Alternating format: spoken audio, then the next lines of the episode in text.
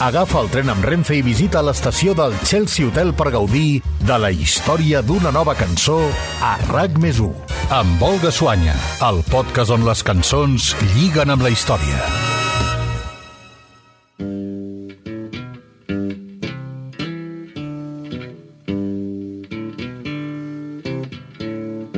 Old pirates, yes, they rob I, sold to the merchant ships. Minutes after they took I. Aquesta és l'última cançó que Bob Marley va enregistrar abans de morir. La va escriure a finals de 1979, quan ja li havien diagnosticat el càncer que uns mesos més tard acabaria amb la seva vida. I potser per això va voler convertir-la en un llegat del seu pensament i en un cant a la pau i a la llibertat dels homes. Won't you help to sing these songs of freedom? Cause all I ever have redemption songs. Fill d'una afrojamaicana i d'un capità de les Forces Armades Britàniques d'ascendència anglesa, Bob Marley va créixer suportant burles i menyspreus a causa de la seva condició de mulat. Ell es mostrava indiferent a aquests desaires pel color de la seva pell, però amb el temps, la reivindicació dels seus orígens africans va esdevenir un element importantíssim en la seva vida. De ben jove, Marley es va interessar per la música d'artistes com Ray Charles, Curtis Mayfield, Fats Domino o The Drifters, i va ser llavors quan va començar a compondre les seves primeres cançons. Ben aviat se li va afegir el seu inseparable amic Bunny Wailer, amb qui a la dècada dels 60 acabaria formant la banda que sempre més l'acompanyaria, The Wailers.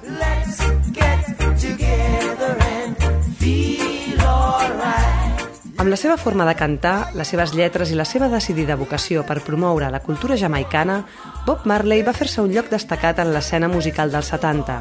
Però si un element es va convertir en identificador de la seva figura, va ser la reivindicació de la seva condició de Rastafari, una religió que va abraçar a mitjans dels 60 i que va ser un dels pilars de la seva vida.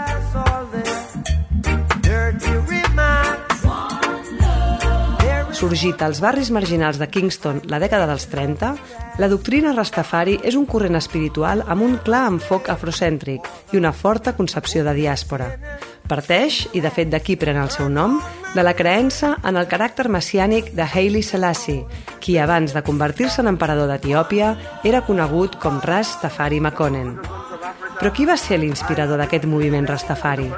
Doncs va ser Marcus Garvey, un predicador, periodista i empresari jamaicà que va ser el fundador de la primera organització creada amb l'objectiu d'unir en llibertat a tota la gent d'origen africà repartida pel món. Des de l'Associació Universal per a la Millora de l'Home Negre, que és com va batejar aquesta organització, Garvey defensava que l'Àfrica havia de ser pels africans i vaticinava l'arribada d'un rei que duria a terme aquest reagrupament, una profecia que va semblar complir-se quan Selassie va arribar al tron etíop.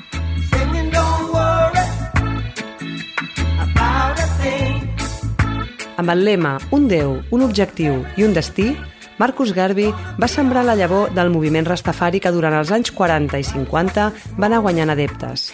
Però, sens dubte, qui en va ser el seu millor altaveu fou Bob Marley, que a la dècada dels 70 triomfava arreu del món amb el seu reggae amb lletres que enaltien els valors d'aquesta doctrina.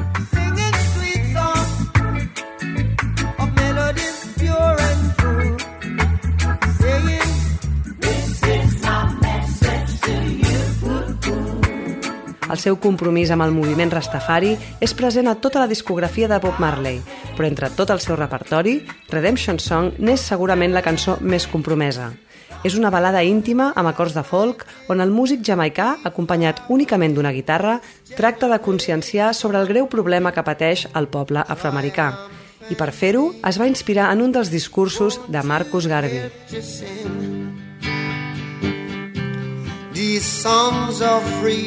Ens emanciparem de l'esclavitud mental perquè mentre que els altres poden alliberar el cos, ningú més que nosaltres mateixos podem alliberar la ment.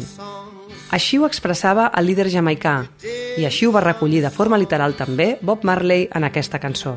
Emancipate yourselves from mental slavery. None but ourselves can free our minds. En conjunt, tot el tema és un compendi dels principis bàsics de la fe i la filosofia rastafari, un cant a la pau davant les guerres i les injustícies socials responsables del creixement de la pobresa i les desigualtats al planeta. Tots ells, temes molt importants per a Bob Marley durant tota la seva vida. Una vida que va trobar un entrebanc insalvable quan el tumor que li havien diagnosticat feia uns mesos es va estendre per tot el seu cos. En aquell moment, Marley estava de gira per Europa, però l'empitjorament de la seva salut el va obligar a cancel·lar els darrers concerts i el músic va decidir acabar els seus dies a la seva Jamaica natal. Però durant el vol de tornada, les seves funcions vitals van començar a fallar i l'avió va haver de traslladar-lo d'urgència a un hospital de Miami on va morir al matí de l'11 de maig de 1981. Tenia 36 anys i, tal com havia demanat, va ser enterrat amb la seva Gibson Les Paul, una pilota de futbol, uns brots de cannabis i un anell que li havia regalat el fill de Selassie. Redemption Song ha quedat com la cançó de comiat del rei del reggae, però també com un himne universal que vol ser un cant a l'esperança. Un tema que han recollit com a testimoni diversos artistes com Sinead O'Connor, Beyoncé, Stevie Wonder o Joe Strummer. Un homenatge a la figura de qui va ser el rei del reggae i a tot el que la seva música va significar.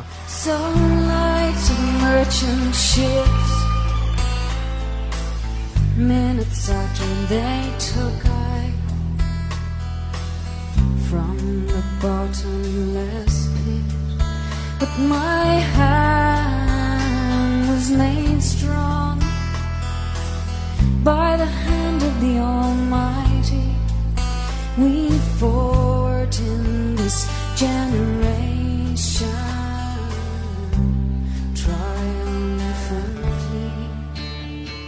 Won't you help to sing these songs of freedom? Cause all I ever had redemption songs.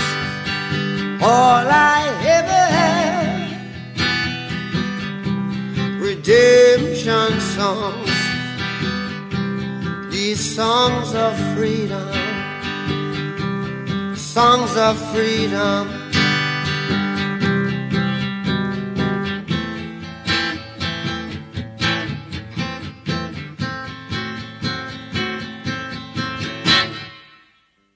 El tren de Renfe, amb parada a Chelsea Hotel, reprendrà el seu viatge i tornarà dissabte que ve amb noves cançons a RAC més 1, amb Olga Suanya, el podcast on les cançons lliguen amb la història.